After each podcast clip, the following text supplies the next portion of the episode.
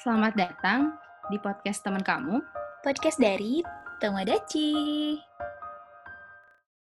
Oke. Halo Tomodachi semua, kembali lagi nih bersama Arin dan Dina di Halo. podcast dari Tomodachi.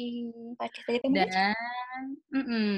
dan pastinya karena minggu lalu kita udah ngejanjiin teman-teman semua untuk ngebahas tentang friendship. Udah belum ya kita janjiin minggu lalu, Din? Udah kita kasih Udah. spoiler-spoiler, iya benar. Mm-mm, benar. Dan itu memang berkaitan banget, eh, berkaitan erat dengan nama podcast kita ya, podcast dari Tomodachi. Tomodachi itu kan teman, ya kan?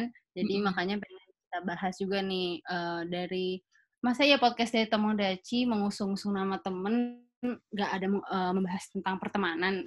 Iya. Nah, di kesempatan kali ini kita akan ngebahas tentang friendship, tentang pertemanan ya, berkaitan banget dengan mm, nama podcast kita nih, podcast Tomodachi dan kita ingin ngasih perspektif kita, pengen sharing dan bertukar perspektif nih antara Arin dan Dina nanti juga Tomodachi kalau punya perspektif bisa nanti disampaikan juga nih di platform-platform kita supaya kita bisa saling bertukar pandangan juga tentang friendship ini. Nah, tapi Tapi kesempatan kali ini em, Arin dan Dina eh, punya beberapa eh, perspektif dan pemikiran nih tentang friendship ini.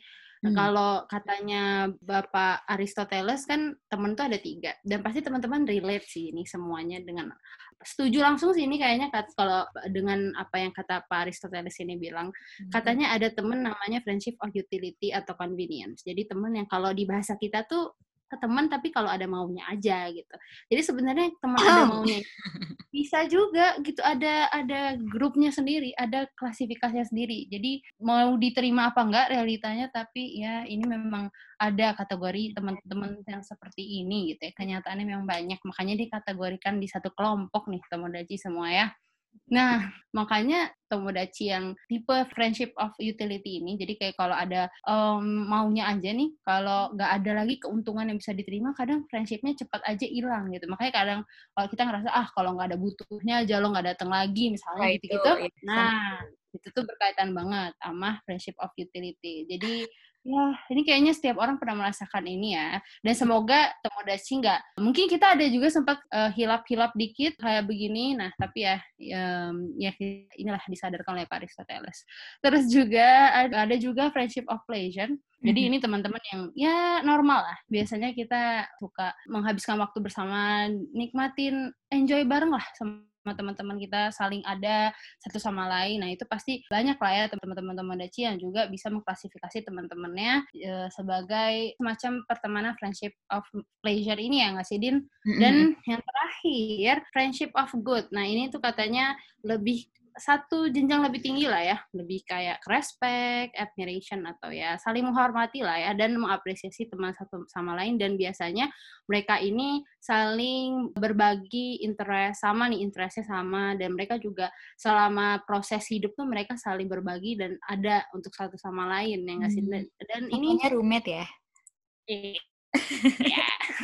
Wah, jadi kita udah masuk friendship of good ya, nggak cuma uh, friendship of pleasure aja berarti ya, Din. Aduh, Oh, aku ter... Bukannya kita friendship of utility, Rin, eh.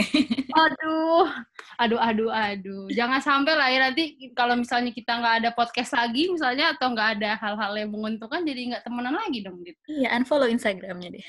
Aduh, nah, nah, makanya jangan sampai kayak gitu kan ya Tomodachi. Makanya em, pasti Tomodachi punya perspektif sendiri. Nah, kita tanya dulu nih, kalau Dina gimana emang caranya Dina atau perspektif Dina dalam mengartikan teman?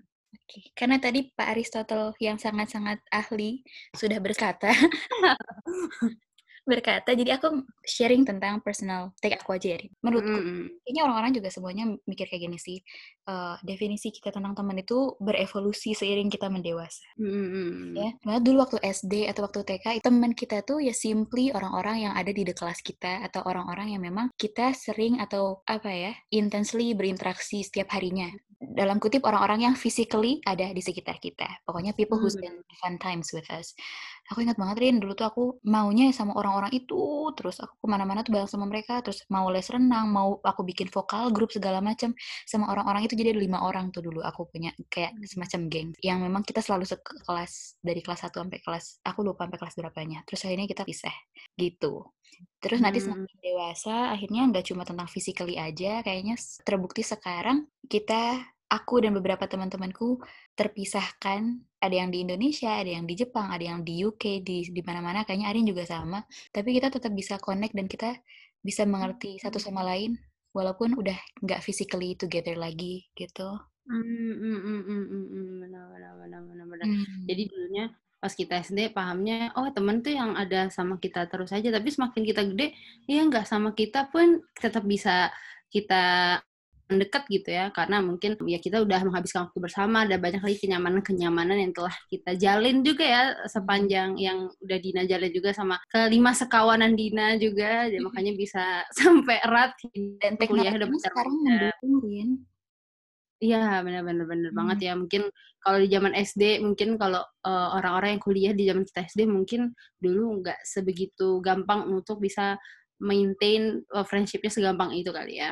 Iya, Mm, kayaknya. mm, mm, mm, mm. Benar juga ya. Dan emang sih sebenarnya ini aku banyak bawa teori kayak guru kuliah, tapi aku punya insight ada kayak oh aku kayak wah ini ternyata benar juga makanya kayak aku pengen sedikit sharing aja sih sama Daji sebenarnya. Kok Soalnya kalau kata Ibu Susan dari Suzanne ya dari ya, dari eh, Northern Illinois University dia seorang katanya psychologist sekaligus friendship expert. Pertamanya aku bertanya.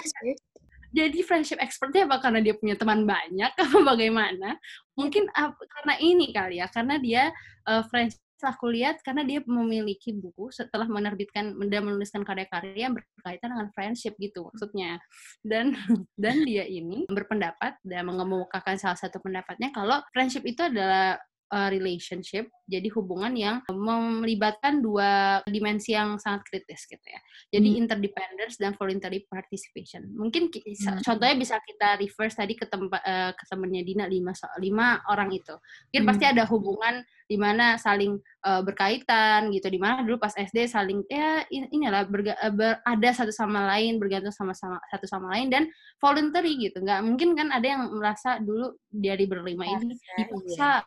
Iya teman tuh nggak bisa dipaksa gitu. Kalau dipaksa namanya bukan temen gitu ya. Bukan kita masuk geng berlima itu bukan karena eh kamu harus masuk ke ke kita berempat nih makanya kita jadi lima kan gak kayak gitu ya makanya ujuk-ujuk jadi lima sekawan gitu. Kan karena oh, kita nyaman bareng gitu. Makanya kita secara sukarela akhirnya oh ya kita jadi lima sekawan gitu ya terus em, dan juga iya dan pernah kepikiran gak sih sama Tomodachi? Misalnya nih kayak emang sih balik lagi ya teman-teman tuh kalau tadi dari Ibu Susan ini dari ini eh, mengaitkannya dengan interdependency atau eh, ya eh, saling ketergantungan. Tapi mungkin balik lagi ke setiap orang pasti banyak lagi ya batasan-batasan yang udah kita tentuin Mm-mm. sendiri. Dan eh, tetapi ada satu hal yang mungkin teman-teman eh, semua setuju juga kalau sebenarnya pertemanan ini misterius dan sangat berkaitan dengan keberuntungan sih katanya. Karena misteri nggak sih? Kadang kita buktinya di sekarang ini kita kalau kita lihat kita trace lagi gitu ya trace back lagi kira-kira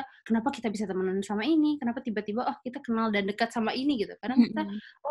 Dan bahkan ada anggap-anggapan eh, yang sering muncul kayak wah untung aja temenan sama dia Oh. pas ini atau oh pernah ketemu sama dia pas lagi di acara ini makanya bisa temenan sama dia Mm-mm. Eh, atau ya banyak banget hal-hal yang ternyata pertemanan ini tuh melibatkan banyak luck dan banyak banget hal-hal yang misteri yang kita nggak bisa pecahin gitu kan Hmm. kadang kita nggak tahu eh tiba-tiba sekelas enggak sesekolah enggak misalnya atau eh tiba-tiba udah deket aja nih eh tiba-tiba udah seri, enak aja nih ngajak ngobrol gitu dan ya udah Hmm. tiba-tiba chemistry eh chemistry udah muncul gitu Tiba-tiba klik aja gitu ya. Iya tiba-tiba udah klik aja gitu. Iya nggak Hmm. sih? Karena emang sih balik lagi temenan itu katanya cerminan kita. Tapi kalau udah ngeliat cermin kayaknya eh cerminan kita ada nih. Eh, eh orangnya ini tipe kita banget nih. Klik banget lah pokoknya udah nyambung banget nih kalau ngomong sama dia ya. Mungkin itu balik Hmm. lagi ke sana. Iya.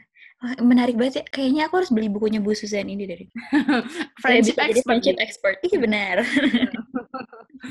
aku sedikit OOT nggak OOT juga sih. Cuma aku tadi ngedengar Arin cerita tentang friendship itu interdependent sama voluntary participation. Mm-mm. Aku nggak tahu kenapa tiba-tiba keinget sama satu fenomena bisnis di Jepang, Rin. Oh, apa tuh? Tahu nggak apa? Rental teman. Oh iya iya benar-benar benar sih ya benar-benar benar-benar benar. Maksudku Wah ini itu pernah dibahas juga di. Mm. Iya, maksudnya ini hal yang sangat menarik dan apa ya, ini Mm-mm. kebutuhan manusia pada Mm. umumnya untuk punya orang yang memang apa ya, ada sama kita gitu. Dan orang-orang Mm. Jepang lihat ini sebagai salah satu kebutuhan yang mereka belum nggak bisa penuhin gitu. Jadi akhirnya Hmm. berinisiatif buat buka bisnis, rental teman, rental keluarga, rental pacar, rental anak, dan nggak tahu kenapa aku tiba-tiba kepikiran itu aja dan ya gitu deh mind blowing aja gitu menurutku. Oke, aku aku belok lagi ke tadi topik kita ya Rin. Um, Iya, ya teman itu cerminan cerminan kita bener-bener bener. Um, tadi aku mau nanggepin dan sekaligus nerusin apa yang tadi aku bilang tentang Mm. definisi teman tuh berevolusi. Mm, mm, mm. Yang tadi bilang juga makin dewasa tuh kita semakin gak cuma mentingin physically being there with them, tapi juga mentingin value sama compatibility kita dari personality-nya, cara pikirnya, cara pandang tentang hidup, tujuan hidup, banyak hal. Walaupun gak selalu kita cuma temenan sama orang-orang yang sama atau mirip sama kita plok-plok banget gitu ya. Jadinya makin sekarang, walaupun aku gak bisa bilang kalau aku sudah dewasa dan mendewasa secara sempurna, aku bilangnya sekarang ya semakin membatasi nggak sih? Bukan secara sengaja, cuma ya automatically gitu aja. Jadi quality over quantity. Kayaknya dulu waktu kecil rasanya senang banget punya teman banyak kayak, ya ampun gue temennya banyak, gue social butterfly Hmm. gitu. Sekarang kayak, ya Allah, alhamdulillah ya ada orang ini ini ini yang selalu bisa ngerti apa pun yang aku bilang gitu loh, yang bisa selalu Hmm. memotivasi gitu. Tapi Rin, Iya. Rin pakai? Instagram kan pasti. Hmm, pakai pakai pakai. Rin tahu gak aku mau mengalihkan conversation kita ke mana? Mana? Ya, kadang-kadang.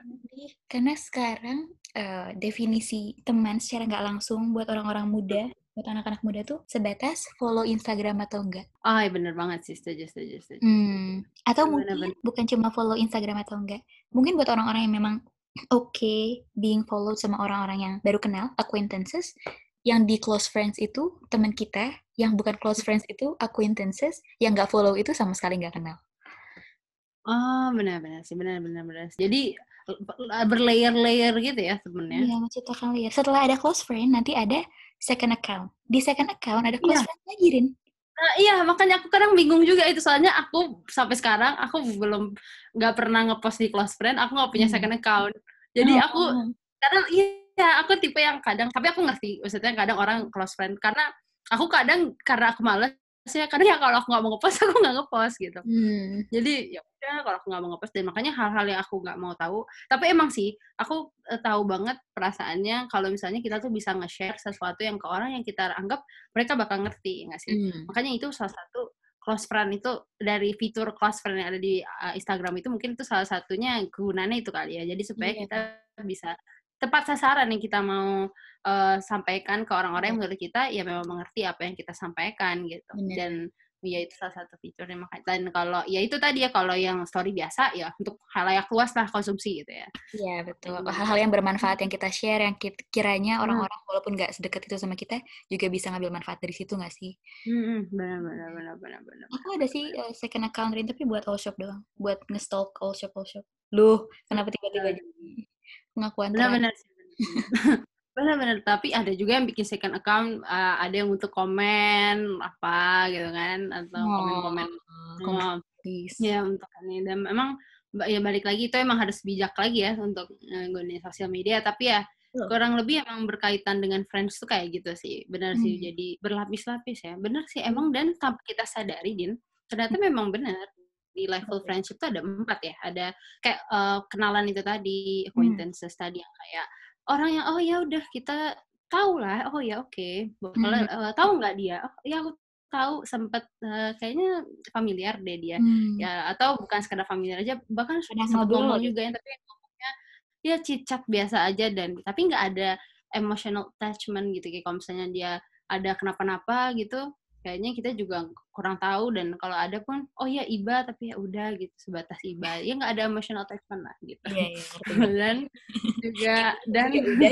bukannya kita nggak berperi kemanusiaan sih tapi lebih tepatnya ya kan kalau kita lebih ada bonding sama orang kan kadang aduh gimana gitu nah kadang Take kalau action gitu eh, ya. kan ya. nah kalau sama casual friends itu tadi ya sama teman-teman yang mungkin kayak friendship of pleasure tadi yang sempat kita bahas tapi ini lebih ke ini sih teman-teman yang kita eh, di mana kita menghabiskan waktu bersama mereka di Hmm. kal- kalau katanya nih casual friends tuh kayak kalau teman satu ekskul, teman satu kelas, atau teman yang Hmm. yang ada ketemunya tuh pas emang karena ada kegiatan itu atau ada sesuatu yang membuat kita uh, ketemu sama mereka. Kalau misalnya kita nggak ikut ekskul hmm. itu, atau misalnya kalau kita nggak ikut kelas itu, atau misalnya kita nggak ikut aktivitas itu, atau nggak ada occasion-occasion yang membuat kita bisa bertemu sama mereka, kita nggak bakal hangout sama mereka katanya sih gitu. Kita nggak bakal eh, nggak bakal ada kesempatan di mana kita bisa berinteraksi sama mereka. Itu mungkin casual friends doang gitu. Okay. katanya sih gitu. Jadi mungkin mm, di story kita tuh yang orang yang kita kadang ya udahlah share share aja tuh story kadang ya uh, acquaintances kita ada mungkin juga casual friends gitu. Yang jadi kayak orang-orang yang kita kenal kenalan aja gitu ya. Dan hmm. tapi ada juga yang close friend. Nah close friendnya yang lebih detail lagi lebih kita lebih membuka diri kita kepada mereka dan bahkan kalau ini lebih teman-teman deket kita lah kayak teman yang kita uh, kasih tahu hal-hal yang lebih personal hmm. hal-hal hmm. yang apa yang kita percayalah rahasia-rahasia kita sama mereka gitu dan kalau kita lagi sedih lagi ngapa-ngapain lagi ya nggak nggak bagus misalnya atau seneng moodnya atau enggak gitu nah biasanya kita mencari mereka untuk menjadi teman curhat lah istilahnya gitu ya hmm. dengan teman kita percaya Yeah. Mm-mm, teman berbagi dan yang terakhir ini jarang nih Din. Mungkin um, sooner lah ya, um, uh, secepatnya lah kita bisa ketemu sama intimate friends kita. Katanya mm. yang intensely connected. Katanya bisa partner, jadi bisa mm-hmm. mungkin kalau Dina udah ada partner ntar ketemu mungkin partnernya bisa menjadi intimate friends Dina. Tapi bisa jadi kalau misalnya yang belum punya partner jangan bersedih karena masih ada soul sister. Bisa jadi um, misalnya nih kalau umurnya aku udah 21 tahun. Berarti selama hmm. 21 tahun ini aku punya teman yang udah kayak soul sister banget gitu, yang udah deket oh. banget sama aku.